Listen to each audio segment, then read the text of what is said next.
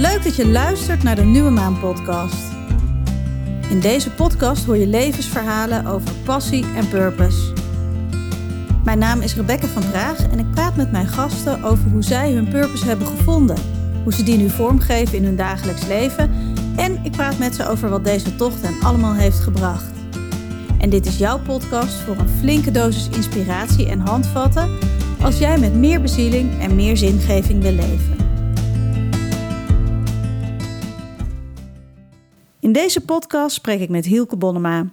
Hielke organiseert opleidingen in systemisch werken en intuïtief coachen. En vooral vanuit een spirituele en holistische visie. Hij noemt dat ook het verzorgen van rituelen voor mensen, zodat ze betekenis kunnen geven aan de verborgen verhalen uit hun geschiedenis. Misschien wil je gewoon eerst eens beginnen met, met kort wat over jezelf te vertellen. Voor mensen die jou nog niet kennen. Ja. Nou, ik eh, ben Hielke. Ik ben heel jong begonnen op een soort ja, zelfontwikkelingspad. Dat kwam omdat ik uh, ook op mijn negentiende al een ernstig auto-ongeluk had. Wat ik mede had veroorzaakt. Waardoor ik ook een soort van echt heel zwaar geschrokken was. En ik ook een soort van. Er uh, waren twee mensen bij overleden. En door die wake-up call, zeg maar, hè, door die, was ik wakker geschrokken en ben ik echt gaan zoeken. Nou, gewoon, waarom gebeuren nou deze dingen? Wat zit hier nou achter? Hoe werkt dit? Waarom gebeurt mij dit nou en niet iemand anders? Hoe werkt het nou in dit leven? Dus ben ik op zoek gaan naar purpose, betekenis. Niet als een soort luxe spiritueel materialistische hobby, maar gewoon omdat ik moest. Ik kon niet met mezelf bestaan zonder die betekenis. Zonder dat te kunnen voelen eigenlijk. Dat in mezelf te kunnen voelen dat ik bij mijn gevoel ben, bij mezelf ben. Ja, dat is nooit meer gestopt. Daar ga ik nog steeds mee door. Sinds de tijd dat jij in de opleiding hebt gezeten, nu vijf jaar geleden? Ja, 2017 was dat. Ja, vier jaar geleden. Dat is het alweer heel veel doorontwikkeld. Mm En het is niet zo dat ik zeg maar een nieuwe variant heb ontwikkeld. Ik zie eerder dat ik een oude variant zoals die was. Uh, ik zie eerder dat ik. Ik heb het systemisch werken meer in zijn of haar shamanistische kader gezet. Minder in een soort, ik moet iets oplossen of ik moet iets repareren. Er is iets niet goed, ik moet het repareren. Meer in een soort ruimte. Waardoor mensen zelf in zichzelf kunnen ontdekken wat klopt voor hun. Zodat ook het een betere representatie is van wat er in de onderstroom in ons leven speelt. En zelf ben ik gescheiden, heb ik vier kinderen. En uh, kom ik uit een ondernemersgezin. Mijn ouders hadden ook al een groot hotel, een groot zaak. Dus die waren altijd druk aan het werk. En groeide ik als kind ook op in een wereld waarbij ik me afvroeg... waar is in godsnaam nou iedereen mee bezig? Het lijkt echt alsof het gaat over seks en geld en status en buitenkant. En, volgens, en ik had altijd een soort gevoel als kind al in mijn onderbuik hieronder zo weet niet of je dat herkent, maar dat er klopt hier iets niet. Het lijkt alsof het dit ook allemaal zo aan de buitenkant is waar het over gaat. Maar volgens mij gaat het hier niet over. Dus ik miste spiritualiteit, emotionaliteit. En uh, ben toen echt gaan zoeken. Na dat ongeluk ben ik eerst uh, naar Amerika geëmigreerd. Drie jaar in Amerika gewoond. Zelf. En daar ben ik echt mijn pad begonnen, zeg maar. Dus daar ben ik psychologie gestudeerd, mythologie, sociologie. En tegelijkertijd zat ik in de weekenden en vakanties en avonden... studeerde ik lichaamsgerichte psychotherapie en lichaamswerk. Deed ik aan yoga en meditatie en was ik helemaal als het ware op zoek. Echt een zoeker. Mm En dat ben ik nog steeds. En was je toen in die, in die groepen niet heel uh, jong? Ja, altijd de jongste. Ja. Ik was in al die groepen altijd de jongste. Want meeste jongens van 19 en meisjes zijn daar nog niet zo mee bezig vaak. Nee, dat klopt. Ik had ook wat hulpmiddelen, dus ik was, heb ook ontzettend genoten van ecstasy-pilletjes en paddenstoelen en al dat soort dingen. En die helpen ook, moet ik eerlijk zeggen, om een soort iets open te doen. Al zag ik ook bij heel veel kinderen van 19 die dat, bij wie dat helemaal niet zo werkt. Maar bij mij was dat wel zo, dat die middelen ook... In één keer zag ik aura's en voelde, ik wel iets... Als je dan even net high was van dingen, voelde ik wel iets van... Oh ja, wacht eens eventjes. Ik weet nog als kind dat ik dacht, hier klopt iets niet. Maar nu voel ik iets en dan denk je dat ligt aan het middeltje, maar dat, dat middeltje brengt alleen maar iets naar boven wat al in je zit. Wacht eens eventjes, volgens mij gaat het hier over liefde en over liefde leven en over verbinding. En over ergens iets groters, iets spiritueels. Je kan het moeder natuur of God of lief. Volgens mij gaat. En ik was daar, ben van huis uit helemaal niet christelijk opgevoed. Zoals gezegd, bij ons thuis ging het vroeger over geld verdienen eh, en drinken en status hard werken vooral. En ehm, ja. Het heeft mij persoonlijk nu, als ik terugkijk op al die 25 jaar, ik vind het, ben zo dankbaar dat ik tijd heb gemaakt om en moed heb gehad. Ik denk dat ik ook van jongs af aan een beetje een eigenwijs koppig typeje ben. Dat helpt wel hoor. Ik ben niet echt iemand die graag in de pas loopt. Dus dat helpt wel dat ik ook een soort. Ja. Waar hielp dat dan mee? Nou, dat ik dus zonder. dat ik me niet zoveel aantrek over wat anderen van mij vinden. Mhm. Of ik erbij hoor, of wat, wat, hoe, hoe, dan de samenleving in elkaar zit. En dat ik van jongs aan wel eens. dat ik ergens al dacht: van wacht even, ik moet mezelf. Ik moet mezelf beschermen. Dus iets heel eigenwijs, authentieks was er mhm. altijd al.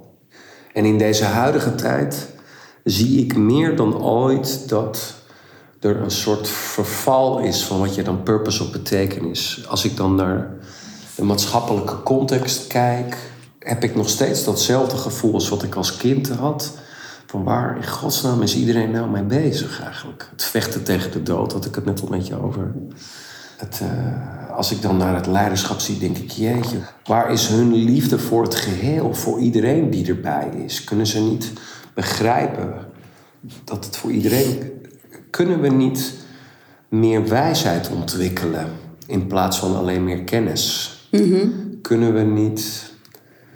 Kunnen we niet heel diep opnieuw onze menselijkheid weer opnieuw uitvinden? Zoals die. We denken vaak.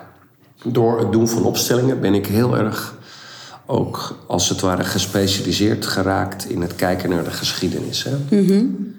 Want als jij een probleem hebt met waar je naartoe wilt in je leven, wat je purpose is, wat je betekenis is, wat je roeping is, of wat je talent is, of wat, dan is het heel belangrijk dat je even stopt en even begint met naar te kijken waar kom ik nou eigenlijk vandaan. Want als jij niet weet waar jij vandaan komt, dan weet je ook niet waar je naartoe gaat. Nee. Ik denk dat dat wel de essentie is. En dat geldt zowel voor ons individueel, als jij niet weet waar je vandaan komt individueel, maar ook voor ons als cultuur, als wij onze tradities en onze gewoontes en onze geschiedenis allemaal vergeten zijn. Dan zijn we een soort lost, identiteitsloos, zoekend. Waar moet ik, waar horen we nou naartoe? Moet ik nou naartoe? En ik snap dat in onze postmoderne, rationele materialistische, individualistische samenleving. Wat overigens allemaal aannames zijn. Niet, uh, het is niet bewezen dat materie, dat bewustzijn uit materie voortkomt, dat bewustzijn uit de hersenen komt. Iedereen neemt dat gewoon maar voor de goede liefde aan. Ja, dat is ook steeds meer bekend dat het uit cellen en darmen en nou ja, goed, maar... Er zijn veel meer, of dat het misschien zelfs een veld van bewustzijn is. Mm. Ja, want dat is eigenlijk ook waar je instapt in een opstelling. Precies, precies, precies. Want, maar daar, daar wil ik zo wat over vragen. Want ik ben nu al proberen om vijf vragen die ik heb te onthouden. Want, want je, ten eerste, je begon net over dat je heel jong dat ongeluk hebt gehad. Ja. En veroorzaakt ook. Klopt ja, ik begrijp als ik zit te praten dat je dan allemaal belletjes en dingen, vragen bij jou oppoppen. Oh, ja. hier moet ik nog wat over doorvragen. Nee, dat snap ik. Want, en dat dat het heeft geleid tot een zoektocht, die nog eigenlijk hè, nooit nee. Ophoudt. Nou, denk ik ook dat dat. Nee, dat houdt nooit. Is het leven zelf. Maar heb je daar toen op je negentiende, of misschien later in je leven, wel ook rust in kunnen vinden? Zeker. Oké. Ja. Ja, Zeker. dat is goed om te horen. Ja, nee, dat heeft echt heel erg gewerkt in de zin van... Ik heb tien jaar lang heel erg gezocht. Ik heb in therapie gezeten daarvoor. Ik heb brieven geschreven met die mensen van het ongeluk. Dus ik ben daar... Heb het in groepstherapie ingebracht en allemaal. En eh, ik zal nooit vergeten toen ik mijn allereerste opstelling deed. Toen bracht ik dit ook in, dat ik me wat depressief voelde en niet helemaal goed wist. Was ik nog heel jong. Dat was eind jaren negentig. Ergens in de twintig was ik, wist ik ook niet zo goed wat moet ik nou met mijn leven. En ik was wat depressief. En toen deed ik die allereerste opstelling. En gelijk al in die eerste opstelling bleek dat de schuldgevoelens die ik had dat die niet alleen maar met het ongeluk te maken hadden, maar dat die al in mij aanwezig waren. Van andere dingen uit mijn geschiedenis. En dat werd in één keer ingebeeld. Dus ik zag dat jongetje, er was een jongetje van 12 overleden bij dat ongeluk. En in één keer lag daarnaast nog een jongetje, dat bleek het broertje te zijn van mijn grootmoeder. In die opstelling. En dat gaf mij zoveel uh, inzicht dat ik dus blijkbaar ergens op een diepe laag dat ongeluk nodig had gehad, meegecreëerd had. Omdat er in mijn systeem, in mijn familie, in mijn achtergrond ook al een jongetje was overleden. Waardoor dat soort van met elkaar resoneerde. Waarmee ik me helemaal niet van het verdriet en de schuld wil ontslaan. Sterker nog, ik wil je schuld. In het oud-Germaans betekent het woord skuld, betekent verantwoordelijkheid nemen. En in ja, toch zeker 2000 jaar uh, beeldvorming vanuit vooral het katholieke geloof. En geloof me, ik hou echt, ben heel erg gaan houden van de echte Jezus als archetype en Maria. Maar je ziet toch ook wel echt heel veel narratieven of verhalen. En als je gaat onderzoeken, goh, waar komt dit perspectief vandaan? Waarom denken we zo, zoals we denken? En is dit, weet ik echt zeker of dit waar is? En je gaat zo die verhalen en de geschiedenis inkijken, dan, dan zie je wel dat uh, het beeld dat het de afgelopen honderden jaren steeds beter wordt, dat, is, dat, dat klopt gewoon fundamenteel niet. En dat de overwinnaars altijd de geschiedenis schrijven. Dus de mensen in de renaissance, die hebben bijvoorbeeld uh, gewonnen. Dus zij, hun verhalen bepaalt dan de geschiedenis. Terwijl de laatste 30, 50 jaar is er zoveel nieuwe kennis op het gebied van geschiedenis, antropologie, archeologie naar boven gekomen. Dat we eigenlijk alle geschiedenisboeken die onze kinderen nu nog op school krijgen, zouden moeten herzien, per Mhm. direct. Dus de Grieken en de Romeinen, daar leert mijn zoon nu over. Ja, hebben jouw kinderen dat ook, de Grieken en de Romeinen? Nee, en nou, toevallig was mijn dochter bezig met een werkstuk over de Inca's. Oh, nou, dat is mooi. En dat is in ieder geval al een ander deel van de wereld waar je de geschiedenis van leert. Niet Ja. alleen van ons. Ja, nee, dus ik, ja, dat hangt misschien ook een beetje af van het, soort. van het onderwijs. Ja, Ja, Dat, ja. ja. Maar goed, uiteindelijk moeten ze eindexamen doen in de, over de Tweede Wereldoorlog. En dan Oh, heb je nog zo'n rijtje. hey, maar, ehm, want je vertelde over die, die schuldvraag. Hè, Ja. Die zo, Ja, ja, als je dat vertelt, dan krijg ik ook het beeld dat hij echt je op je schouders drukt. Klopt. Dat dat zwaar is. ja, dat was ook echt zo. Dat Ja. van schuld, dat zo, soort van. Dat Ja. was ook echt zo. Ja. En dat dat ook iets is al wat, wat je dan al hebt meegedragen Ja, voor mijn een hele ander. leven al. Ja, Dat ik dat schuld, dat complex, dus dat, dat ik dat al mijn hele leven bij me. En in die opstelling werd dat als het ware in één keer zichtbaar. Maar na die opstelling voelde ik me dus echt. Ja, bevrijd als het ware. Omdat in één keer zag ik, oké, dat schuld, dat hoort dus ook daar bij mijn grootmoeder terug. En bij mijn grootvader. En bij mijn vader. En bij mijn moeder. Jee. En maar wat ook heel belangrijk was, niet zozeer dat als een soort technisch die schuld. Dat ik voelde, jeetje, wat heel belangrijk was, dat ik voelde. Dus al mijn pijn en ellende en mijn zoeken en mijn, al mijn symptomen, wat ik dan in mijn vak symptoom, het symptoomniveau noem, alles wat ik daarin meemaak, daar zitten diepere verhalen onder. Dat maak ik mee om mij iets te leren, want daar zit een boodschap in. Het leven is niet een mechanisch modelletje wat je moet proberen op te lossen om te zorgen dat het weer goed loopt. Het is geen wiskundeformule, zeg maar. Het is een organisch geheel. ja. En daar zitten dus, daar spelen, ja, Nou, het is meerdimensionaal. Ja. En, en ik weet, want ik heb die opleiding bijgedaan, maar daarvoor, ik weet niet eens meer wanneer dat was, 2014 of zo, denk ik, kwam ik bij jou omdat een heleboel collega's van mij hadden met jou opstellingen gedaan. Dus er ging zo'n soort bus van, nou, je moet, als je echt iets hebt, moet je naar Hielke. dus ik had een oude grijze man met een baard en een pijpje verwacht. maar toen kwam ik jou tegen, dacht ik, oh, oké. Ja. Ehm, en uh, nou, mijn vader heeft een, was Joods en uh, heeft in het verzet gezeten. En dus Ja. een heftig oorlogsverleden. Ja. Wat altijd bij mij weer oppopt. Oh ja. Maar ik moest in die opstelling van jou op degene staan die mijn vader heeft neergeschoten. Oh ja, ja, ja. De moordenaar, ja. En dat vond ik toen zo heftig, omdat ik dacht, ja, maar daar, ik, ik wilde me op geen enkele manier identificeren met de andere kant, zeg Oh maar. ja. Nee, precies. Dat is dus ook wat ons wordt aangeleerd.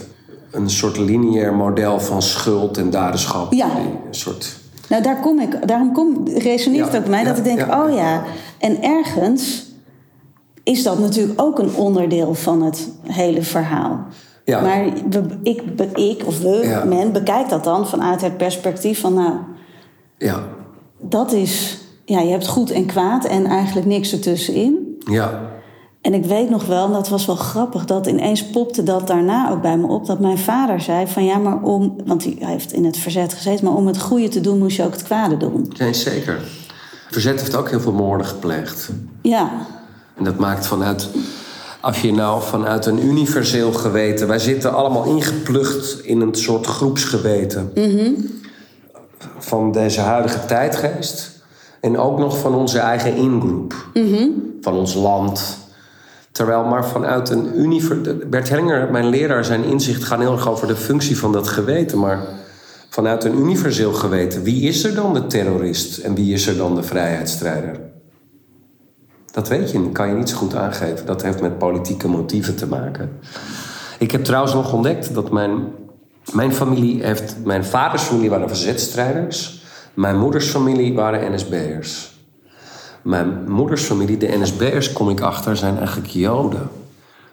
En dat ben ik achtergekomen door DNA-onderzoek.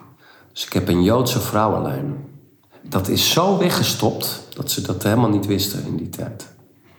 wat wonderlijk. Wonderlijk, hè? Dus die waren in de oorlog NSB'ers. En mijn opa is een landwacht en zijn broer zelfs bij de Waffen-SS. En het heeft mij persoonlijk ook heel veel gebracht om zeg maar uit... Jij noemde het zelf zwart-wit met niks ertussen. Dat is echt heel ernstig. Het heeft mij... Ik voelde me als kind dus gespleten. Dat wist ik toen niet, maar door deze verhalen die toen ik... eh, ik was in 1974 ben ik geboren en dan... Ja, dat, dat is toch best raar. Mijn moeder, haar familie en mijn vaders familie... die hebben elkaar op leven en dood bevochten in de oorlog. Dat niemand daar ooit meer over sprak. Dat het alleen maar ging over geld en status. En... Dus dat wat er miste was niet alleen de emotionaliteit en de spiritualiteit. Letterlijk wilden ze niet meer over de geschiedenis praten, want dat was te pijnlijk. Terwijl het voor mij als ziel, blijkbaar heb ik zo'n diepe aantrekkingskracht gehad op deze twee partijen. Dat bij elkaar brengen, dat zegt echt iets over mij. Dat, dat, dat hoort bij mij. En dat zijn mijn vader en mijn moeder. En dat is een soort. De Tweede Wereldoorlog en de pijn daaruit, dat komt het meeste voor in de opstellingen als punt 1 van verborgen verhalen in onze generatie. Er zijn nu, nu de mensen jonger dan 30, kom ik weer andere dingen mee tegen. Iedereen 40 plus, zeg maar, heeft dat wel als thema bij zijn gezin of bij de ouders of grootouders. En, ja, eh, het is ook een Ja. complex thema. Ja. En wat ik merk in mijn Joodse familie is dat het heel vaak nog gaat over de feiten. Dus wie was waar, wie deed wat, Ja, eh, hoe lang was die dan daar. Ehm, omdat de praten over het gevoel ten eerste al zo heftig is. ja, Dat is mijn invulling hoor, maar zo zie ik het. Ja. En ten tweede is ook, gevoel is niet een waarheid. Gevoel is niet zwart-wit. Dus dan is het heel moeilijk van, ja, ja, voel je wel genoeg? Of voel je dan te veel? Ja. Of, hè, dus ik, ik kan me eigenlijk... Want kan, hoeveel mensen hebben ze dan? Dan hebben zij heel veel mensen verloren waarschijnlijk. nou, ik weet het niet. Mijn, ik, dat is één van de, de... Grappig dat je dit... Mijn enige echt gevoelsopmerking weet ik van de zus van mijn vader. Die zei, ik zie alleen nog maar lege plekken. En verder ging het eigenlijk altijd best wel over.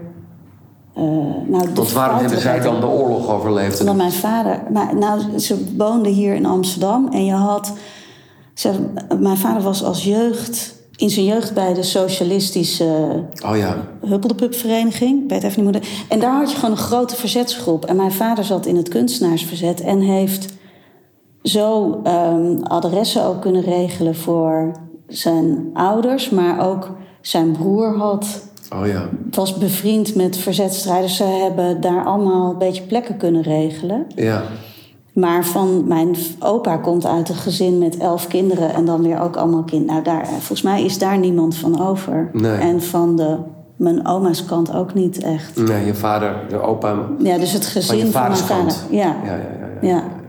En ehm, Want jij identificeert je helemaal niet met Jood zijn. Dat gaat toch via de moederlijn normaal gesproken? ja, nou ja, dat is ook zo interessant. Ja, maar dat is dus officieel wel, althans. Maar ik heb, ben opgegroeid met de oorlog was altijd aanwezig. Ja. Het Jood zijn was altijd aanwezig. En het werd niet altijd besproken. Nee. Maar ik mocht, nou, was, ik, had, eh, ik had eindexamen gedaan. Toen had je nog geen eh, internet, Ja. weet ik veel. En als Ja. eerste stonden de uitslagen van de schoolonderzoeken in de Telegraaf. Oh ja, Ik mocht niet de Telegraaf kopen. oh ja.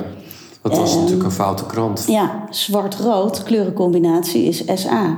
Kwam er niet in. Oh ja. En dat was dan grappig, want dat deed vooral mijn moeder hoor. Maar eh, Duitse auto's, eh Krups, zeg maar, die koffiezetapparaten, Oh ja. maakten granaten in de oorlog. Dus ik weet van heel veel bedrijven. Oh ja, oh, ja, ja, ja. BMW waren Bayerische motorradwerken, maakte tanks Ja, inderdaad. ja, dus daarin ehm, was het, het was altijd aanwezig. En dan, Ja. en dan is het gekke ook dat er dan wordt gezegd van ja, maar dat is helemaal niet van jou, want je moeder is niet Joods. Ja, Nee, ja, oké, maar ik voel bij het wel. vader wel. Ja, maar jij ja. bent wel genetisch gezien, uit, kom je uit die lijn voort. Ja, ja ik heb Nee, ook, zeker. ja, ook toevallig een DNA-onderzoek een keer gedaan. En ik ben voor 5% uit het Midden-Oosten. Vond ik Oh ja. heel grappig. En dan een heel stuk Askenazisch. Dat is dan de Oost-Europese Joden. En, Dat is voor mij ook het- Askenazi. Dat hebben ze bij mij, in mijn moederlijn is dus dat 32% Askenazi Joods bloed in de Ja. vrouwenlijn.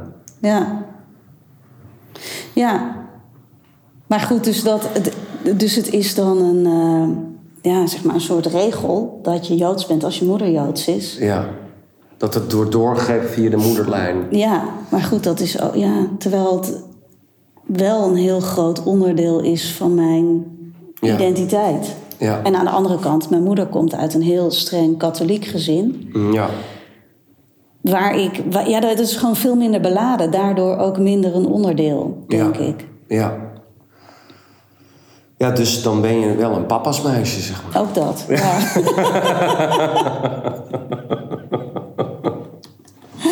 Ja, Ja. en ik ben een mama's jongetje. Dus dat heb je dan. Ja.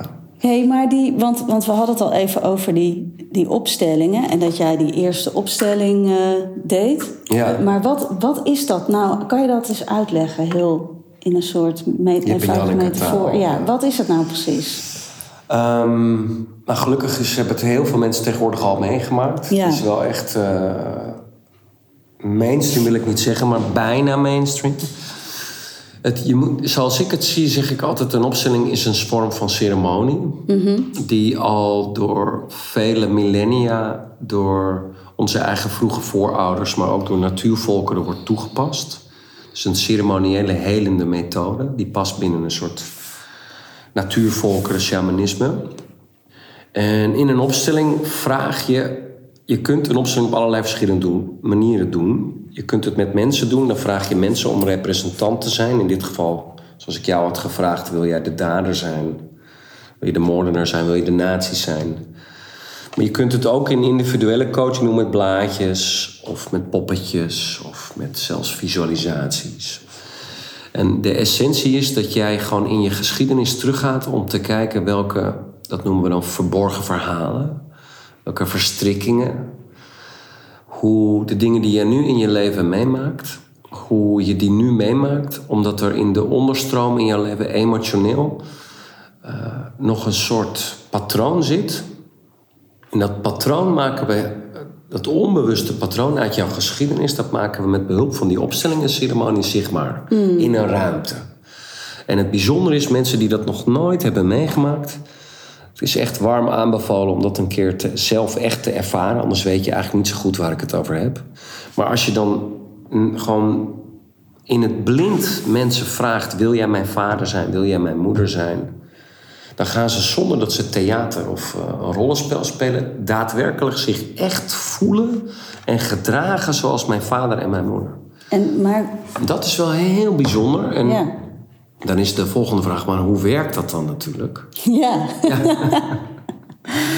Nou, dat, dat is hetzelfde. Stel, ik eh, organiseer, neem jou mee naar een prachtig pianoconcert. En wij zitten samen in de zaal. En in één keer begint, je hebt nog nooit van je leven een piano gezien. En in één keer begint hij te spelen, dat jij dan in één keer opspringt. Hallo, maar hoe werkt dit dan? Of dat je naar de pianist toe gaat. Oh, goh, kan je mij vertellen hoe die piano werkt? Nou, dan kan misschien dat die pianist daar verstand van heeft. Dat hij weet hoe het werkt. Heel, van heel veel dingen weten we niet hoe het werkt. Alleen dat het werkt, dat weten we inmiddels wel. Na 30 jaar dit toepassen. En ook dat het al millennia lang heeft gewerkt. En uit deze tradities voorkomt. En dat er dus een soort...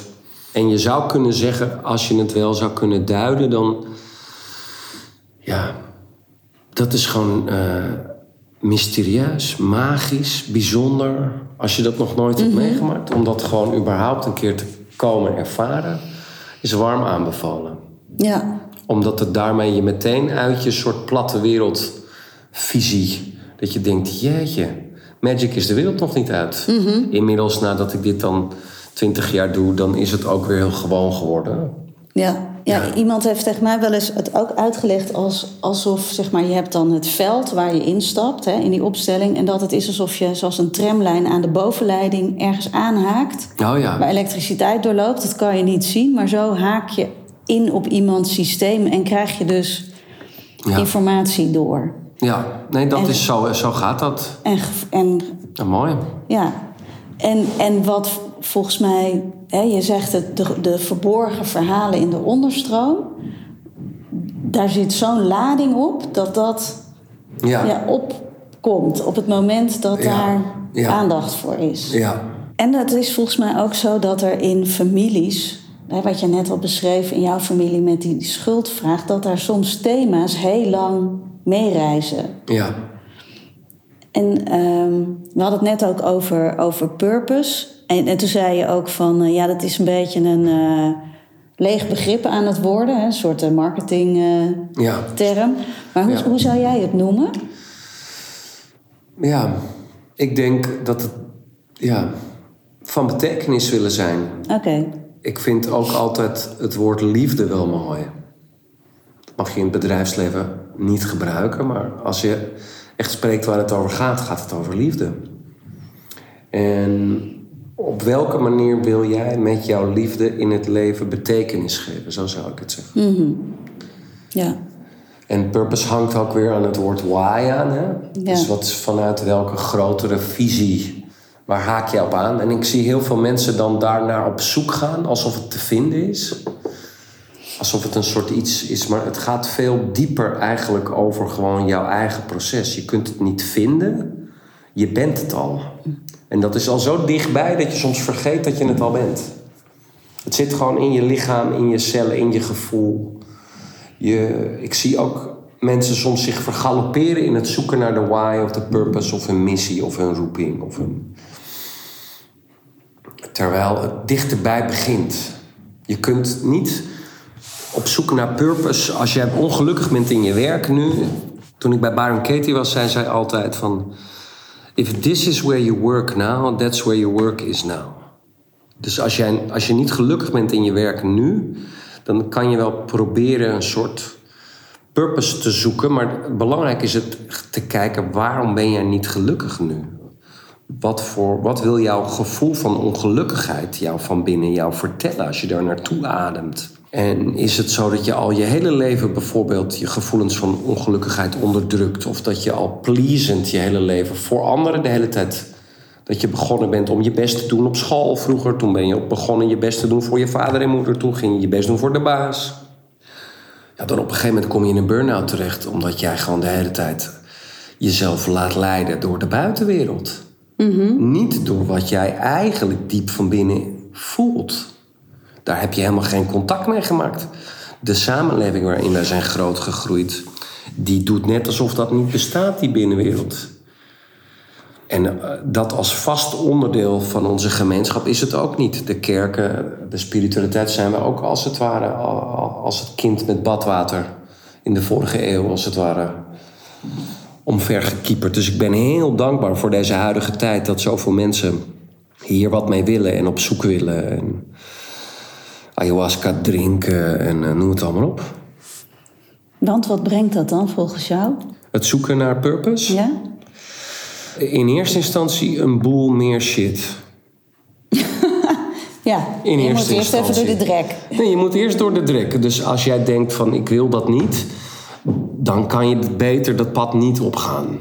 Je moet wel bereid zijn ergens te gaan voelen. Als jij niet bereid bent een verantwoordelijkheid te nemen. Als jij denkt ik tover uit, ik voel geen purpose, ik haal, doe even een cursusje of een dingetje dit of een dingetje dat en ik haal even uit een hoge hoed nieuw purpose, dan, dan ben je op het verkeerde pad.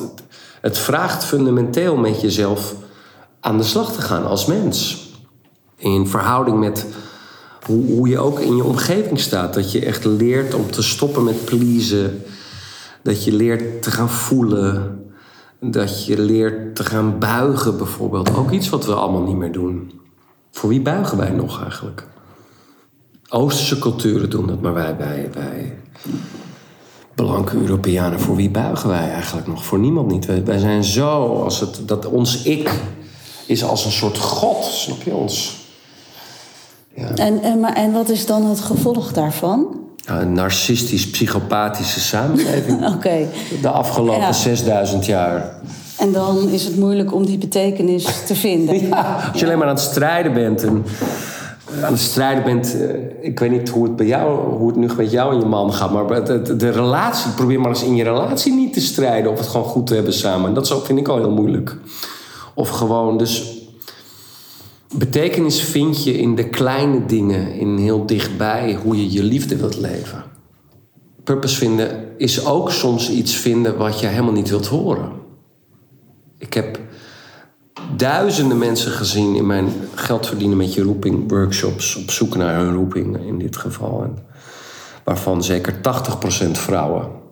En eh, na het einde van een jaaropleiding heb je soms vrouwen die dan aan het einde van een jaaropleiding dingen realiseren die ze in het begin nooit eh, waar wilden laten zijn. Dus purpose kan ook juist helemaal iets zijn wat, jou, wat je in Ja. je persoonlijkheid, in je ego. Jij wil dat helemaal niet horen, wat jouw purpose eigenlijk is. Jij wil een soort mee in je overlevings. Stel dat je nou een vadersdochter bent, hè? dus dan vadersdochters. Ik ben een moederszoontje, maar vadersdochters halen vaak heel veel energie uit carrière en werk en aanzien in status en werk. Ook de maatschappij doet dat, hè? De maatschappij heeft dat ook, hè? Dus je moet werken en al die dingen. Dan heb je een soort enorme uitdaging. Hoe ga ik nou goed voor mijn kinderen zorgen en voor mijn carrière en mijn werk? Soms ben je alleenstaande moeder en al die dingen. En dan, en dan heb je een soort van, nee, als ik nou aanhaak bij een soort grotere purpose, dan gaat dat mijn reddingsboei zijn. Snap je? Een soort, terwijl eigenlijk de liefde die je gewoon voelt voor je kinderen en daar dichtbij willen zijn. En de liefde die je gewoon voor de klant gewoon dichtbij. Dat, dat, dat is al zo. Dat is al purpose. Snap je? Dat, dus het, dus, Ja, dus dat, ja, dus een soort van, ja. van dat mensen allemaal de volgende Ocean Cleanup willen bedenken. Dat dat de purpose is. ja, In plaats van, ja. ik wil gewoon de beste moeder zijn die ik kan zijn. Dat, is- komt eigenlijk dat? uit de jaaropleidingsgroepen terecht. Dat dan vrouwen zoiets hebben. Weet je wat? Ik laat me niet meer inpluggen in het maatschappelijke verhaal. Dus wat heel belangrijk is, is als je op zoek bent naar purpose, is dat je ten eerste bereid bent om jouw omgeving teleur te stellen, om trouw te blijven aan je eigen ziel. Dus ben jij bereid om je omgeving teleur te stellen, om trouw te blijven aan je eigen ziel? Dat is de centrale vraag. En is dat dan voor mannen anders? Omdat je net zo noemt van, ja, vrouwen. dat zijn natuurlijk totaal ongeëmancipeerde uitspraken van mij. Die in dit huidige tijdgewricht absoluut niet passend zijn. Maar ik moet daar toch aan bijdragen dat ik, dat ik wel in mijn werk zie dat mannen en jongens echt een hele eigen psychische ontwikkelingsfases doormaken die echt fundamenteel anders zijn dan de psychische ontwikkelingsfases die vrouwen doormaken in hun ontwikkeling. En dat de behoeftes van vrouwen en de behoeftes van mannen, vooral jonge mannen, jonge vrouwen, echt heel erg verschillend zijn. En je kunt nooit alle mensen over één kam scheren. Dus dat is heel belangrijk dat iedereen voor zichzelf uniek uitzoekt. De mensen die er vaak wat tussenin staan, de tussengroep. Dus de, de, de, mensen die niet man of vrouw zijn, maar verschillende gender of mensen, homoseksuele mensen. Dat zijn, waren vroeger ook de priesters en de shamanen en de bruggenbouwers en de verbinders. En, en ik denk wel dat het heel belangrijk is dat jonge jongens leren om bij hun moeders weg te gaan, bijvoorbeeld. In mijn geval als moederzoontje. En dat jonge vrouwen leren om uiteindelijk ergens bij hun vaders of de, weg te gaan en terug te keren tot moeder en de vrouwen, zeg maar. Om echt bij de vrouwen terug te horen. Dit zijn ook rituelen die alle natuurvolkeren op aarde altijd hebben toegepast. En wij als het ware met het kind, met het badwater hebben weggegooid. En ehm, ik heb dus heel veel vrouwen zien herstellen van scheidingen en ook uh, burn-out. Doordat ze, dat wat ik nu beschrijf is niet zozeer mijn eigen verhaal. Ik denk dat ik de meeste wijsheid heb opgebouwd gewoon door de dingen die ik heb geleerd van alle mensen die ik heb mogen begeleiden de afgelopen 20, 25 jaar. En wat ik heb gezien in hun opstellingen. Niet zozeer wat ik zelf vind of wat ik zelf denk, dat is niet zo belangrijk, maar meer ik als systemisch wetenschapper, wat ik dan heb gezien, hoe die, ja, die, welke wetmatigheden er daar zitten in hoe dat organisch stroomt. Ik denk dat dat heel belangrijk is. Ik denk dat daar de luisteraars het meest aan kunnen hebben en van kunnen leren. Ja, en, en als ik je goed hoor, dan gaat het dus eigenlijk over ehm, heel dicht bij jezelf durven blijven. Ja, En dat dat ja. de betekenis is, of de purpose, of de levensmissie. En niet zozeer die. Ehm, dat het, het- wat ik herken is dat, dat, en dat herken ik ook wel in mezelf, dat je soms vanuit een soort ego-behoefte aan erkenning precies. hoog, hoger, hoogst wil. Of, Precies, en daar zit eigenlijk misschien wel dat je in je vroege kindertijd te weinig aandacht dicht bij je vader en moeder. Dat er in de vroege binding tussen moeder en kind zich weer hetzelfde herhaalt.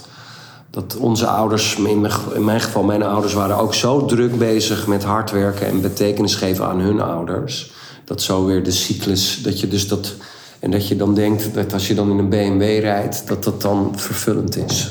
Het is een Ja. soort surrogaat. Freud noemde dat al een eh, sublimatieoplossing natuurlijk. ja. ja, nou kom ik uit een maf socialistisch links kunstenaarsgezin. Oh, ja, maar ja, daar ja, ging het juist weer over dat je, je moet wel kunst, Ja, kunstzinnig zijn. Je moet wel Dus- kunstzinnig zijn. Ja. Ja. nee, nee, precies. Je moet wel. Nee. Dus ieder gezin heeft zo zijn eigen mores en zo'n dingen waar je aan moet voldoen. Ja. Ja, precies. En, ehm, ja, en, en als je nou kijkt naar jouzelf, wat, wat is dan voor jou de betekenis? Je noemde al een paar keer liefde, maar wel, hoe zou je dat willen omschrijven, hoe, hoe jij dat dan in de wereld wil zetten? Nou, die, die liefde, ten eerste heb, is voor mij, heb ik ontdekt door die, dat ik een kind ben van die twee kampen uit de oorlog. Vind ik het dus ook heel leuk om. eh, heb ik dus ook een soort verbinding met datgene wat niet gezien wordt. Dus wat in jouw achtergrond mag niet gezien worden. En ook de achtergrond van mijn cliënten wel. Wat mag niet gezien worden? Wat wordt niet geëerd? En ik heb al vanaf jongs af aan dat ik een soort geschiedenisknobbel heb. Dus ik voel als het ware de geschiedenis door mij heen stromen zo. Dat had ik al dat. Toen ik als kind eh, op het gymnasium in Hilversum zat, toen, toen. En ik begon met een beetje boefjesdingen doen. Toen waren er eigenlijk drie vakken die overbleven. Dat was toneel, geschiedenis en filosofie, zeg maar. Daar bleef ik gewoon leuk naar. Ik denk dat iedereen van binnen een kunstenaar is. Dus liefde is inderdaad wat uh, amorf gewoon van wat, wat, wat... Ik denk dat je voor jezelf moet ontdekken waar, op, op welke manier wil ik mijn liefde gaan vormgeven, zeg maar. En hoe past dat, als ik naar mezelf kijk, hoe past dat het beste bij het talent dat dit beestje is? Dus ben ik iemand die het fijn vindt om met mijn handen te werken, of ben ik meer iemand die met mijn hoofd werkt, of ben ik weer iemand die, juist zoals mij in mijn geval, ben ik juist iemand die met mensen werkt. En ik ben dan vooral iemand die het leuk vindt om met groepen te werken. Dus zo ontwikkel je dan langzaam. En ik denk ook dat het belangrijk is dat we onze kinderen leren dat ze alleen maar dingen op school doen, die, dat ze een carrièrekeuze maken. Gewoon met wat ze nu leuk vinden om te leren. Want wat nog een andere hele belangrijke wetmatigheid is in dit gedachtegoed voor mensen die hier iets over willen leren, is dat je realiseert dat in organische systemen, zoals wij, dat je daar niet drie stappen vooruit kunt denken. Dan gaat het namelijk mis. In mechanische systemen denk je wel drie stappen vooruit. Dus alle mensen die ik heb ontmoet, die eigenlijk hun baan aan de wilgen willen hangen en voor zichzelf willen beginnen. Wat jij weet en wat ik ook weet, voor jezelf beginnen is een stuk moeilijker dan je denkt. Dat vraagt wel een heleboel, ja, je moet, dat, je moet ook ondernemend zijn en dat willen. En dat, snap je, het is ook een soort, het is ook een ander. Als je dat echt wil, doe dat. Maar er is ook niks mooiers en veiligs door gewoon iemand anders te helpen door in loondienst te zijn. Daar is niks mis mee. Doe dat alleen maar, ga daar alleen maar weg als je dat echt niet anders kan. Als mhm. kunstenaar, ga dat niet. Maar wat dus de meeste mensen vergeten is dat je alleen maar aan stap 1 kunt werken kunt niet. Heel veel mensen denken dan, weet je, dan ga ik nu. Als ik nou stap 1, 2 en 3 en dan doe ik dat. En het ego wil het een klein beetje allemaal zo veilig maken. Maar voor de ziel, waar purpose vandaan komt, werkt dat helemaal niet zo. Dus praktisch gezien is het heel belangrijk. Dat heet ook building the plane while flying. Of uh, wat Otto Scharmer in zijn presencing model dan noemde prototyping. Mhm. Je moet altijd beginnen. Je moet gewoon beginnen, zeg maar. Je moet echt het in je vezels krijgen. Je kunt het niet blijven uitdenken. Of weer een soort. Je moet gewoon. Op een gegeven moment moet je gewoon de knoop doorhakken. En gewoon iets gaan doen, zeg maar. Niet... Ja, maar hoe bedoel je dat dan met in in vergelijking met dat je niet vooruit kan denken in drie stappen tegelijk? Nou, dat heel veel mensen die willen een soort van, nou weet je, dan ga ik mijn eigen bedrijf beginnen. En dan moet ik eerst een website maken. En dan moet ik me aanmelden aan voor koophandel. Maar tegelijkertijd moet ik ook nog uh, eh, 24-7 voor mijn kinderen zorgen. En heb ik ook nog nu die loondienstbaan die nu de hypotheek moet betalen. Dus hoe dan, ze, ze proberen als het ware. Nee, wat je dan doet is, je zegt dan eerst je baan op zonder dat je precies weet wat de next step gaat zijn. Dus je, je. Want het kan zijn dat stap 1 een klein beetje naar links is. Dat stap 2. Want pas als je bij stap 1 gedaan hebt. Dus pas als je die baan hebt opgezegd. En dan die uren vrij hebt thuis. Pas dan kun je voelen: oké, nu heb ik de ruimte. Dat bedoel ik met vooruitdenken. Je, je. Nou, dat is volgens mij het moeilijke. Dat. dat op het moment dat je hè, mensen die, die niet blij zijn in hun werk en, en echt met hun purpose aan de slag willen. Ergens moet je gewoon in het koude diepe springen. Dat is het. Dat bedoel ik met dat je niet... En lef hebben om, het, om ook los te laten wat je ideaalbeeld is. Ja, dat is het dus. En mee te gaan met wat er komt. Ja, en uh, je, dan, je moet gewoon gaan hakken en dan vallen de Spaanders. En je, je, je moet vieze handen maken. Je moet gewoon het gaan doen, zeg maar. Ja. Ja. En ja, terecht dat je koudwatervrees hebt. Daar moet je ook niet, niet, niet, niet naar luisteren. Ik ben al vanaf 2004 zelfstandig ondernemer.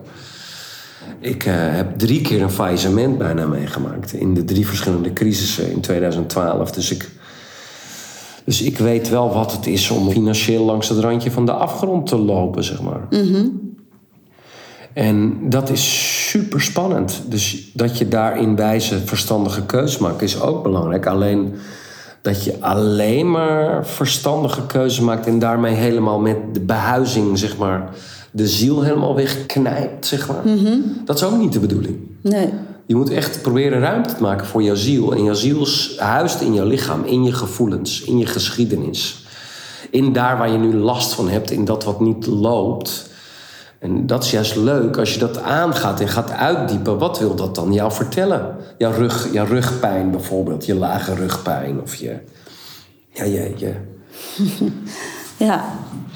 En, en dat is ook dan vaak moeilijk. Kijk, websites met kleurtjes en zo. Ja, ik, hè, en niks menselijks is mij vreemd. Dus ik kan uren besteden aan, aan frutselen met Canva. Ja. Maar ehm, ja, het, het is... De, dit kan ook best wel af en toe pittig zijn om jezelf dan steeds weer opnieuw uit te dagen. Om dan de zekerheid los te laten en werkelijk je hart te volgen. Zeker. Nee, daarom zeg ik tegen jou ook van: hey shit, dat is echt een de zekerheid aan loslaten. Maar dan, dan moet je niet zozeer je verschuilen achter uren achter je computer weer nieuwe plannen maken. Dan moet je gewoon de boer op en klanten gaan zien, zeg maar. Je moet zorgen dat je in de verbinding met je eerste nieuwe klant. Als je één klant hebt, dan volgen er vele, zeg maar. Het is gewoon een soort.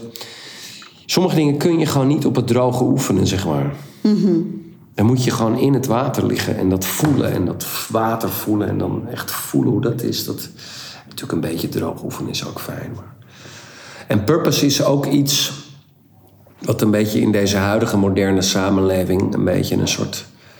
Dus het is ook heel belangrijk dat het niet een soort cursusje of een boekje of iets wat je soort van uit de kast trekt en dan heb je even purpose. Purpose is een heel diep diep spiritueel iets waar je geboorte, je dood, je, je, je grote pijnen in je leven, je kinderen. Je, je, het purpose heeft ook echt te maken met lot, met je lot, zeg maar.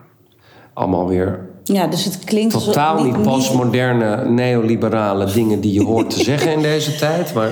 Nee, want het klinkt dus alsof het niet iets is wat je kiest. Maar dat het ah. komt met de blauwdruk van wie je bent. Uh, klopt. Daar, en dat is ook hetgene wat ik nu in wil brengen, is dat het heel belangrijk is om, wat ik net al had over buigen doen we niet, lot mag, mag ik het niet over hebben, snap je?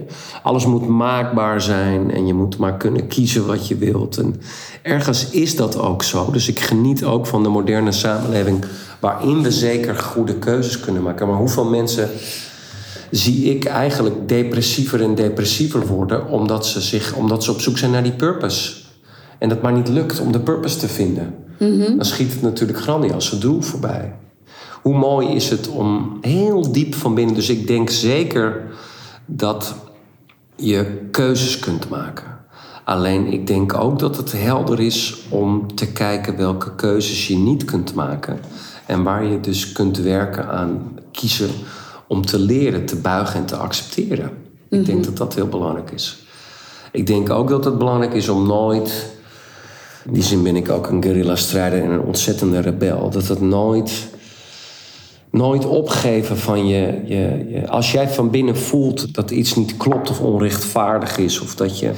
Ik denk dat het super belangrijk is ten alle tijden daarvoor op de bres te springen. Kijk maar in deze huidige tijd hoe belangrijk dat is. Hè? Ik denk dat dat echt belangrijk is. Dat je dat nooit, nooit iedere dag opnieuw. Maar ik denk ook dat het tegelijkertijd belangrijk is om van binnen te blijven zoeken. Hé, wat is precies dat onrechtvaardigheidsgevoel in mij? Waar komt dat vandaan uit mijn geschiedenis? Dus ik denk dat je zowel in de kunst naar buiten kunt creëren wat je wil, maar dat je ook als het ware altijd de reis naar binnen hebt te maken in... Hey, waarom wil ik dit nou eigenlijk zo graag? Ja, en, en is dat dan, dat vind ik zelf wel een uitdagende vraag... is het dan ego? Ja. Of is het echt een zielsverlangen? Nee, precies, dat is een goede vraag. En ego doet ook mee. Het is niet dat het ego Nee, dat hoeft natuurlijk niet helemaal weg, maar... Nee, en geld verdienen mag ook en al die dingen mag ook. Alleen het is wel de hand in de handschoen. Dus in hoeverre vul ik nog met mijn ziel, zeg maar, mijn ego? Of is het een soort lege huls, snap je? Ja. Het moet wel echt werken. Ja. Want hoeveel van die succesvolle mensen heb je, hebben we niet al gehoord de afgelopen jaren... die dan ons vertellen van, ja, nu leuk... deze Ferrari in dit grote huis waar ik nu alleen in zit. Maar en dan? Dus ik denk dat om je nog te inspireren. Dus een belangrijke vraag is: stel je wint de staatsloterij, 20 miljoen, hè, dat moet genoeg zijn, misschien meer. Als dat niet genoeg is. En je hoeft echt even niet meer te werken voor het geld. Echt dat je dat voorstelt. Wat ga je dan, dan doen als je de wereld bent rondgevlogen, verhuisd bent, nieuwe auto's hebt, de kast tien keer opgeruimd hebt, je kinderen allemaal nieuwe kleren, weet ik wel wat. Op een gegeven moment zit je dan in het grote huis en dan? Wat ga je dan doen? Wat ga je dan doen om daar betekenis te geven? Nou, dan ga je, aan die, ga je iets doen wat je echt leuk vindt, want je hoeft het niet meer te doen voor je geld. of wat je echt belangrijk vindt. Precies. Je gaat of heel belangrijk vindt dat je bijvoorbeeld, weet ik veel, het regenwoud gaat kopen. Want de biodiversiteit bijvoorbeeld. Dat je al je geld gaat inzetten om het regenwoud uh, te zetten. Ja. En dan kan je dat weer terugkoppelen. Nu, nu, is, nu is het nog niet zo ver dat je die staatsloterij... maar dat je wel nu alvast dingen kunt doen om bijvoorbeeld te kijken... waar is mijn pensioen belegd op dit moment? En ben ik het eens met de waarden en normen van mijn pensioenfonds of niet? Ja. Nee, ik heb, geen, ik heb niet zoveel pensioen, dus ik... Nee, nee, wij zijn zelfstandig ondernemers. Nee, precies. We hebben geen pensioen. Nee, ik ook niet. Nee. ik bedoel maar. Nee, maar ik bedoel maar. Dus ja, nee, maar ja, zeg niet te snel je baan in loondienst stopt, want dan heb je dus geen pensioen. zit je met een enorm gat. heb je geen pensioen. Nee. Goed man. Ben je wel gelukkig, maar geen pensioen. Nee. Ja. Nee. Nou ja, ja. En... Um, ja, nee, dat is wel een mooi, mooie metafoor van de hand in de handschoen. Het ego en, en de ziel. Ja. ja. Hey, en wat, um, wat heb jij zelf uh, in, in jouw hele reis hè, van, van uh, die jongen die als 19-jarige op, ja. op pad ging, ja. na uh, een heftig ingrijpend, ingrijpende gebeurtenis tot aan waar je nu bent. Wat is daarin, als je dat zou kunnen benoemen, de, de grote les geweest of het grote thema? Ja, dat, dat, dat is wel durf ik te vertrouwen op mijn gevoel. Dat wat ik echt voel, kan ik. Kan ik stil en rustig voelen wat ik voel? Kan ik, heb ik daar de skills voor ontwikkeld om vanuit mijn gevoel, vanuit wat mijn hart me vertelt, en mijn buik me vertelt, om, om dat serieus te nemen en niet de hele tijd dat te overroelen met een soort in mijn hoofd dat ja, vanuit allerlei status of ideeën of whatever. Maar gewoon durf ik.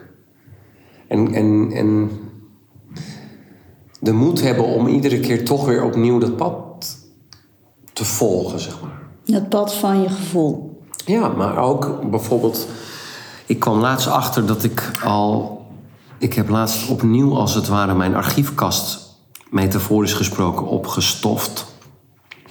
En opnieuw gekeken, wat heb ik eigenlijk gekregen al van mijn leraren? Dus ik ben opnieuw mijn leraren heel diep aan het eren en te kijken, jeetje, wat heb ik eigenlijk allemaal al geleerd? En daar nog dieper, dus de, de sleutel is echt vertrouw op jezelf. Echt waar, ten alle tijden. En als je het niet kunt voelen dat je niet op jezelf kunt vertrouwen, vertrouw dan op dat je nu nog niet op jezelf kunt vertrouwen. Maar als je investeert, jaar in, jaar uit, op de reis naar binnen, dat dat altijd veel voor je oplevert. Zowel voor je relaties, als voor je kinderen, als voor je zaak. Als... Dus die reis naar binnen, zeg maar. Ik, ik ben ook net als een goede collega van mij overleden. En uh, wat ik heb meegemaakt in dat ik. Dat mijn vrouw zei tegen mij: Goh, Hielke, ga even zitten. Dus had ik het net gehoord, ging ik even zitten. En toen kon ik echt. Ik ben de laatste drie, vier jaar kan ik echt mijn hart voelen. Terwijl dan vroeger kon ik nooit mijn hart voelen. Dan zeiden mensen wel: voel eens je hart. En dan voelde ik wel iets, maar niet echt. Dus dat ik eigenlijk gewoon heel druk in mijn hoofd mijn hart te voelen. dus dat ik eigenlijk Ja. gewoon zo vast in mijn hoofd. Ja, heel hard aan je hart te denken. Heel hard aan mijn hart te- denken, zo. Hoe zat het nou eigenlijk? En, maar nu kan ik echt gewoon hier mijn hart... En toen kon ik in mijn hart hem zo voelen... dat hij nu vrij was van de vorm van het lichaam. En dus die spiritualiteit die ik twintig jaar geleden nog zocht... en voor mij als een soort zoeker onbereikbaar was... inmiddels ervaar ik dat gewoon als onderdeel van mijn leven... dat ik niet meer zo bang ben voor de dood. Dat ik echt kan voelen dat dus... waar het in het verleden gewoon theorieën waren die ik in boeken las ervaar ik nu, kon ik nu mijn collega echt voelen, niet als een soort geloof, maar als een innerlijk weten. Er, ik voelde hem echt zo vrij zijn van zijn lichaam en zo naar mij lachen en met mij in verbinding zijn. De opstelling die we erover deden bevestigde dat ook, was ook heel mooi om te zien. Dus dat vind ik wel heel erg leuk, dat gewoon zo'n gewone, nuchtere Friese jongen als ik met eh, mijn zoektocht ook eh, die hele diepe spirituele dingen kan ervaren en bereiken. Dus als het voor mij te bereiken valt, is dat voor jou en voor iedereen zo. Maar heb je dat dan ook als kind zo ervaren? Als kind had ik dat ook. Had ik die gevoeligheid, die sensitiviteit ook. Maar ik ben gewoon heel dankbaar dat ik de afgelopen twintig jaar structureel heb tijd vrijgemaakt om te mediteren. Om af en toe een keer uit de band te springen, een keer ayahuasca te drinken of weet ik veel wat. Maar gewoon die zoektocht, die innerlijke zoektocht, die soms eindeloos lijkt, die, die als ik nu, nu kijk, als je mij nu vraagt wat nu, dan denk ik, ja, die innerlijke zoektocht heeft mij echt één ding. Ik ben gewoon zo blij dat ik heel jong dat al had. Dat ik blijkbaar ook al in vorige levens die innerlijke zoektocht, dat dat ook mijn missie is, dat ik dat ook hier kom doen. Dus ik voel echt een, een lijn van betekenis, een lijn van purpose, die niet alleen in dit leven, maar die door vele levens heen zo mij hier naar dit moment brengt. En dat heeft wel die hele innerlijke zoektocht, inclusief de opstelling en alles, mij wel gebracht dat ik nu dat bewustzijn heb dat ik zo die hele. Dat, in die zin vind ik het wel heel leuk dat je mij hebt gevraagd als je het over purpose hebt. Ik voel dat wel heel sterk in al mijn vezels. Ja. Daar heb ik ook vet op geïnvesteerd. Dus ik heb geen pensioen, ik heb geen status misschien. Ik ben een andere ja, status misschien door de band, want ik ben niet ben niet... Uh, je hebt geen, uh, wat zei je nou net, geen BMW? Of, ik ben, heb geen BMW. Wel een hele mooie elektrische auto nu, toevallig. Oh, nou kijk. Van mijn, die, die vriend van mij die net overleden is, die heeft dat voor me geregeld. Dus ik heb het in die zin ook wel goed voor elkaar. Ja. Maar ik heb niet uh, geld op de bank of een pensioen. Of, uh, dus die dingen. Maar ik, ik ben wel. He, dit neemt nooit meer mens. iemand. Maar ik ben, ja, ik, dit neemt nooit meer iemand van mij af. En ik heb zelfs het gevoel dat ik dit meeneem naar mijn volgende leven. Mm -hmm. Dus als je, dat, als je vraagt van wat. En, dat, en, en ik ben nog steeds aan het leren en aan het studeren, vind ik dat heerlijk. Ja. Soms weinig tijd, omdat druk, vier kinderen en een eigen zaak. En dan... Ja.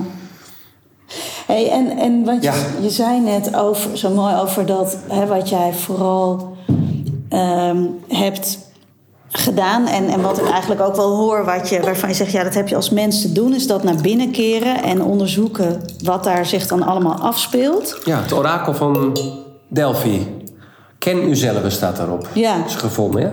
Ja. Precies. Maar ik hoorde je ook eerder al zeggen, hè, dat buigen voor Ja. je geschiedenis, dus ergens Ja. of voor dat wat je Ja. niet kan veranderen, Ja, dat dat ook belangrijk is. Dus het Zeker. accepteren en het erkennen van, nou, zeker. Misschien had ik wel graag die, Precies.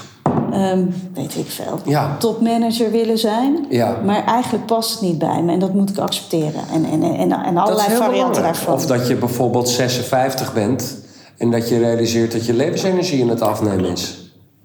Niet dat je niet meer levenskracht kan hebben op 56, maar de ontwikkelingspsychologie, Piaget heeft dat al gedaan, maar ook eh, Rudolf Steiner en anderen. Ook de astrologie zegt dat het leven bestaat uit fases van 7 jaar Ja. en fases van 28 jaar. Dat je ook per levensfase is het ook belangrijk dat je realiseert: oké, dit zijn mijn mogelijkheden. Nu, nu houdt dus het dat ik zo nodig de wereld moet redden en dat ik een eigen bedrijf moet beginnen. Dat, dat kan nog steeds, maar ik zou je willen uitnodigen om gewoon te kijken waar jij echt gelukkig van wordt van binnen. En waar het jouw liefde gewoon dichtbij wil dagelijks. Probeer niet, zoals je het net zei, probeer niet de, de, hoe heet het, de clean ocean. eh, probeer niet. En, die, die, en, en probeer uit te zoeken waarom jouw ego nu op zoek is naar purpose. Wat is dat dan precies in jou? Neem, het en, en, neem, neem in die zoektocht alles mee. Maar vergeet vooral dus je gevoel niet. Vergeet vooral je gevoel niet. Ja, en ik denk, en dat, dat herken ik ook wel in wat jij net zei, dat ehm, ik zelf in ieder geval ook in een, een vanuit archetypisch gezien, zeg maar, een grote zoeker in mij heb. Ja. Dus ik ben, Ja. al, eigenlijk kan ik me dat al vanaf heel jong herinneren, altijd aan het zoeken en aan het Ja, Ehm, dus ik heb ook altijd wel jaloers gekeken naar mensen die dat helemaal niet hebben. En die gewoon zijn. En Ja. het allemaal prima vinden. ja. ja. Dus ik, wil, ik, en ik zie dat ook wel in andere mensen. Dus als je zo'n zoekende energie hebt, dat kan wel ook verdraaid lastig zijn. Ja, maar die mensen. Ik ken niet zoveel mensen die als je met hun. Ik mag natuurlijk al twintig jaar lang heel diep met heel veel mensen zijn. En misschien is het zo dat ik alleen maar zoekers op mijn pad krijg. Maar iedereen die ik heel diep mag interviewen, mee mag praten. Iedereen stelt zich existentiële vragen. Iedereen is een mens. Iedereen heeft, een, heeft zich te verhouden met dood en ziekte en leiderschap en betekenis, purpose en kinderen en liefde en relaties en seksualiteit. En iedereen heeft in die zoektocht loopt ook dan wat meer, dan wat minder. Maar de meeste van ons, negen van de tien van ons, loopt daarin ook echt eh, eh, pijn op. En heeft ook innerlijk met die pijn aan de slag te gaan daarmee.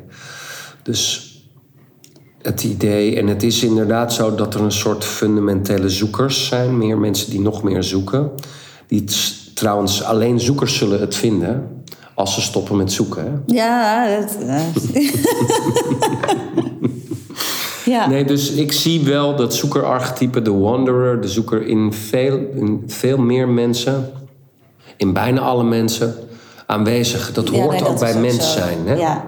De kunstenaar, de filosoof. En of je het dan toevallig, eh, hoe je dan dat zoeken vormgeeft, dat kan natuurlijk in de kunst, in de spiritualiteit, ook in de sport of in de liefde. Of in... En het heeft natuurlijk heel veel kwaliteiten en goede kanten. Ja. Namelijk dat je eh, nou, avontuurlijk en dan gericht op het nieuwe. Maar het, het kan ook af en toe een beetje ontworteld voelen. Ja, dat hooggele, dat hooggele, wat je dan in Spiral Dynamics hebt. Hè? Of Ja. dat hooggele.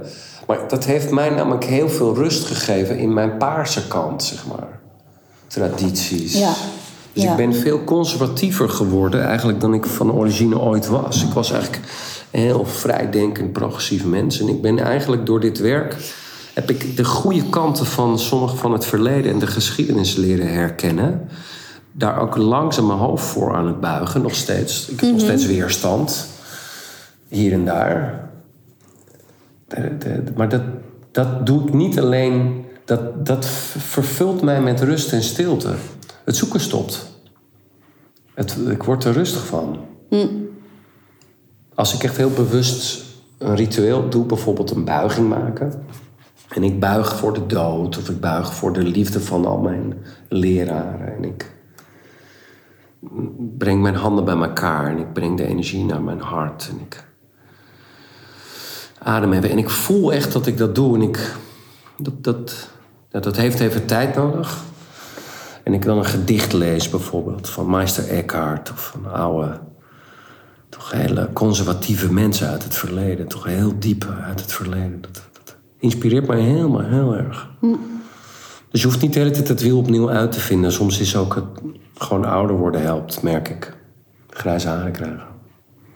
Ja, nou, en accepteren en berusting. En, Ja. en toch ook ergens wel betekenis vinden. Hè? Dus dat Zeker. zoeken in jezelf en daar op een gegeven moment ook Ja. antwoorden vinden, helpt ook. Mm, klopt. Maar daar uitreiken, hulp bij zoeken, heel belangrijk.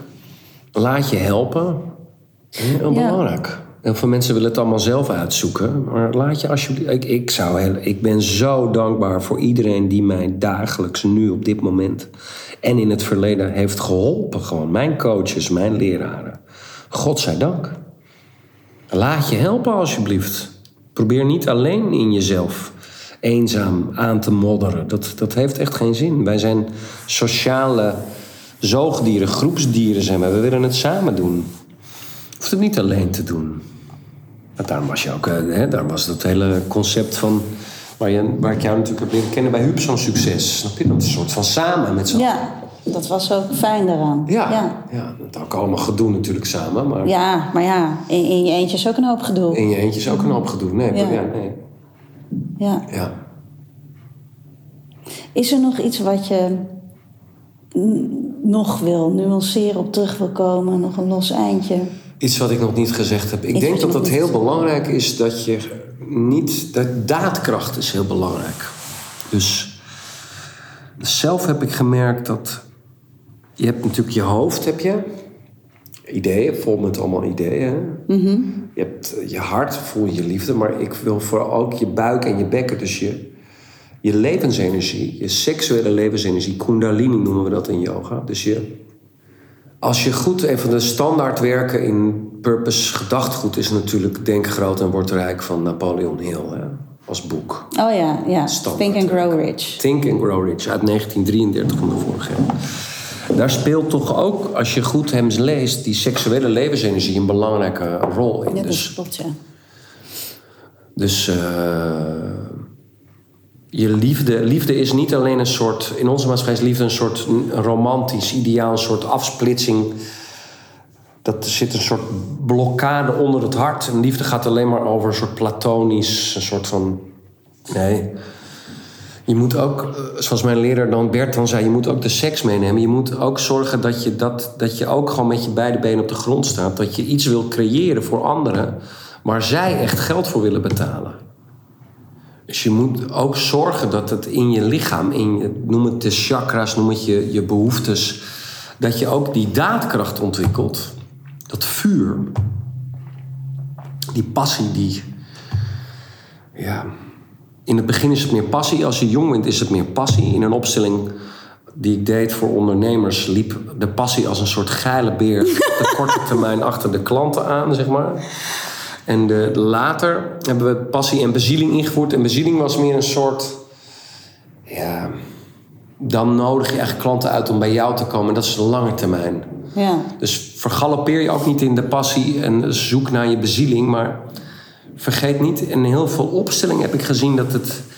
het dat als er ergens in jouw verleden daders zijn, om ook ons verhaal rond te maken waar we natuurlijk mee begonnen, dat Ja. jij op de plek van de dader moest gaan staan. Ik laat Rebecca natuurlijk niet op de plek van de dader staan, puur alleen maar omdat het leuk is voor een of andere kijken systemische eh, systemisch fundamentalisme. Dat is helemaal niet zo.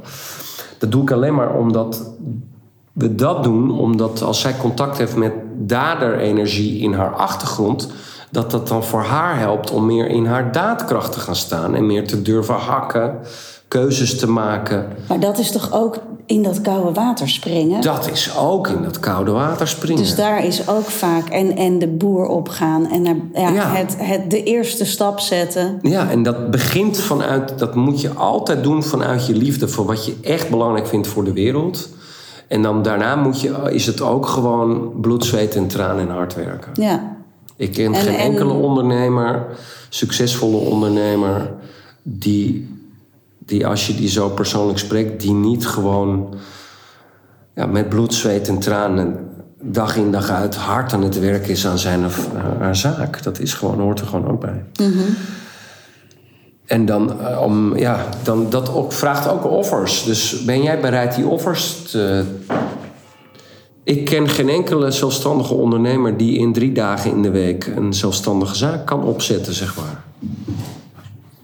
Drie keer acht uur in de week. Dat zo tussen de bedrijven door. Dat lukt gewoon bijna niet. Dat ken ik niet in ieder geval. Nee. Van de mensen die om je heen zitten, die dan slagen in ondernemen en die dat lukt. Dus als jij bereid bent heel veel dingen te laten, je voelt heel sterk een diepe purpose van binnen. En je wil heel veel andere dingen niet doen. Verjaardagen en vrienden en allemaal andere sportclubjes en bridge, allemaal dingetjes, allemaal andere dingen niet doen. En je wil dat doen dan. Dan moet je dat echt doen. Dan is het geweldig. Ik geniet daar vol van, maar het kost ook wat. Ja. Je hebt maar zoveel uren in een dag. En dat kan je maar op zoveel manieren invullen.